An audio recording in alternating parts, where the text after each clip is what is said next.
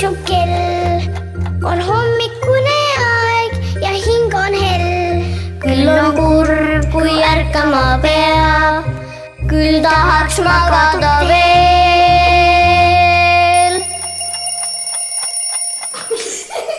tere, tere hommikust. siin on Epp ja siin on kuue ja poole aastane Maria, kümneaastane Illi, kümneaastane Anna. Ja me mõtlesime, millega me võiks täna hommikul inimesi äratada, millegi mõnusaga.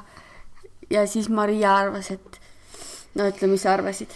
ma arvasin, et kui sa proovid magada hommikul, siis, siis tavalisel loo, kui sul on kodus üks loom, siis ärgata võib ärgata ülesse. Ja siis see uks lahti läheb ja siis tuleb see loom näiteks näiteks kiisu ja hüppab su sülle. ja hüppab su voodisse ja paneb oma nina sulle sinna, sinu nina juurde. ja teeb nurr.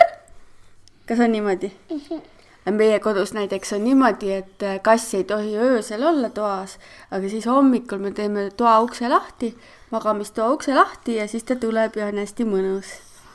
mis sinu kassi nimi on Nestor, ja mis selle teise kassi nimi on, kes elab? Kurrunurra, kaks kassi on täitsa.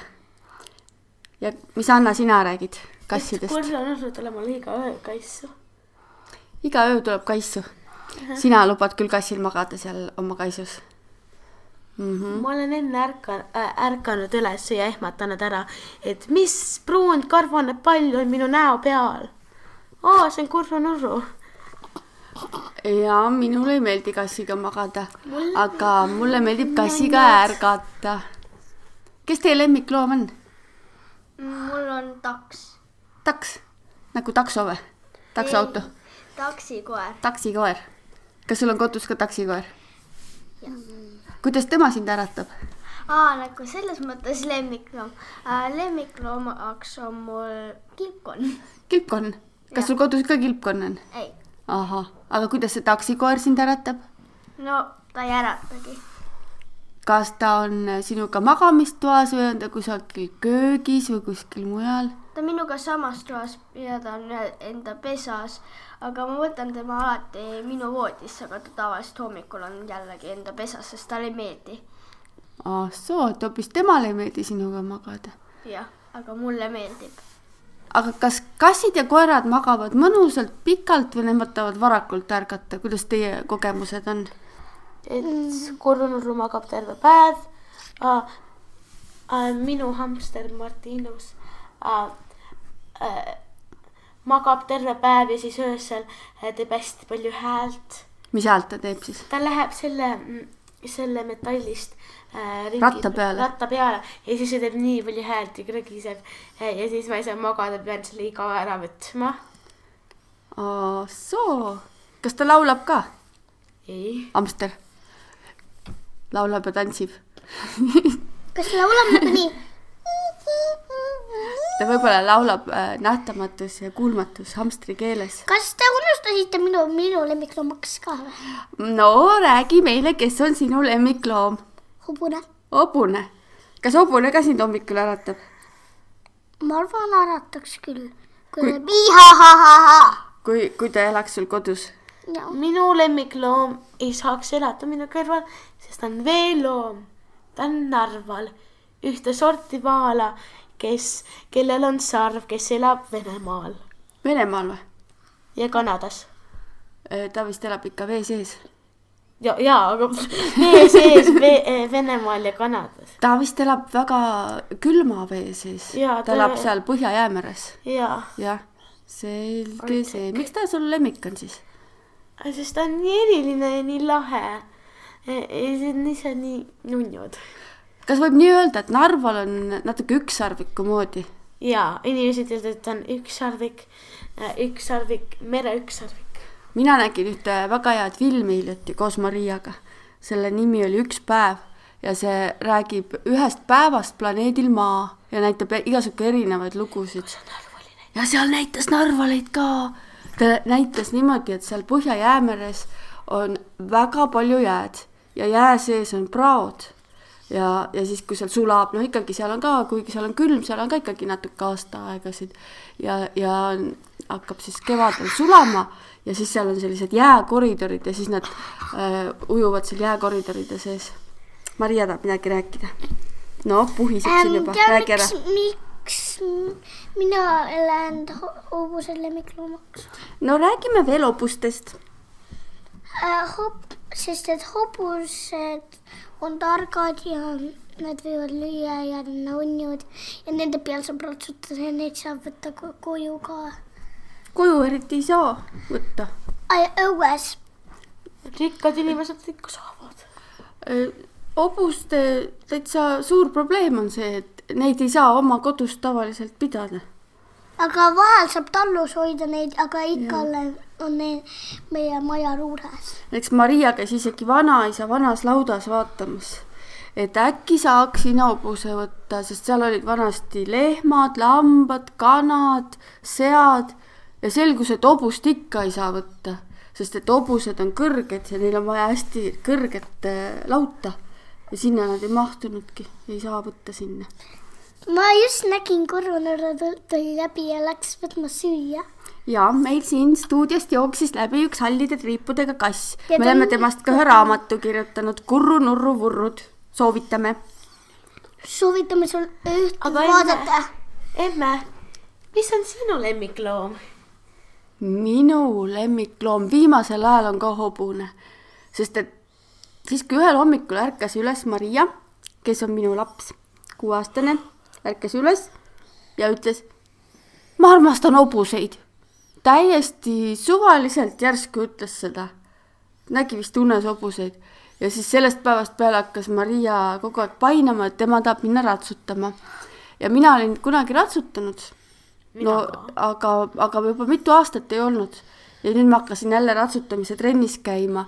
Ja mul hakkasid uued asjad meeldima, mul vanasti ei meeldinud hobuseid puhastada.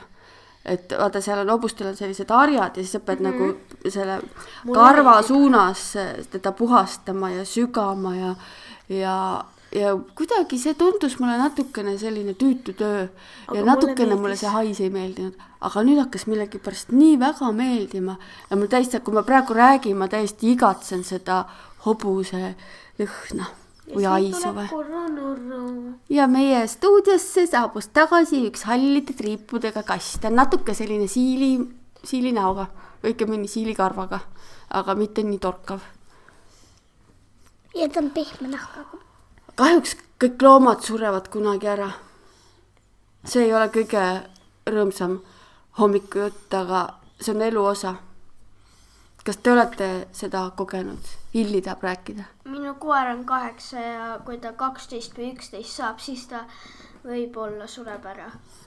aga koerad võivad elada ikka ka viisteist ja kuusteist ja, nojah, aga, aga kuidas sinu kass ära suri, ma kuulsin, et see oli üks kurb lugu. Äh, mu ema oli rõdul ja pesi pesu ja siis äh, mu kass tuli ka rõdule, ta tahtis äh, nagu teisele rõdule minna, aga siis ta kukkus äh, ja siis noh, kukkus rõdult alla. ja saigi surma või? või kadus ära või? no kukkus alla ja ma, ma, me arvasime, ta kadus ära, siis me ei leidnud teda. arvasime mingi voodi all või midagi, panime mingi kirja ja siis äh, üks naine helistas, et ta leidis mingi kassilaiba mingi siiami. aa, see oligi teie kass. See oli küll kurb lugu. ka mitmendalt korruselt ta kukkus siis? seitsmendalt.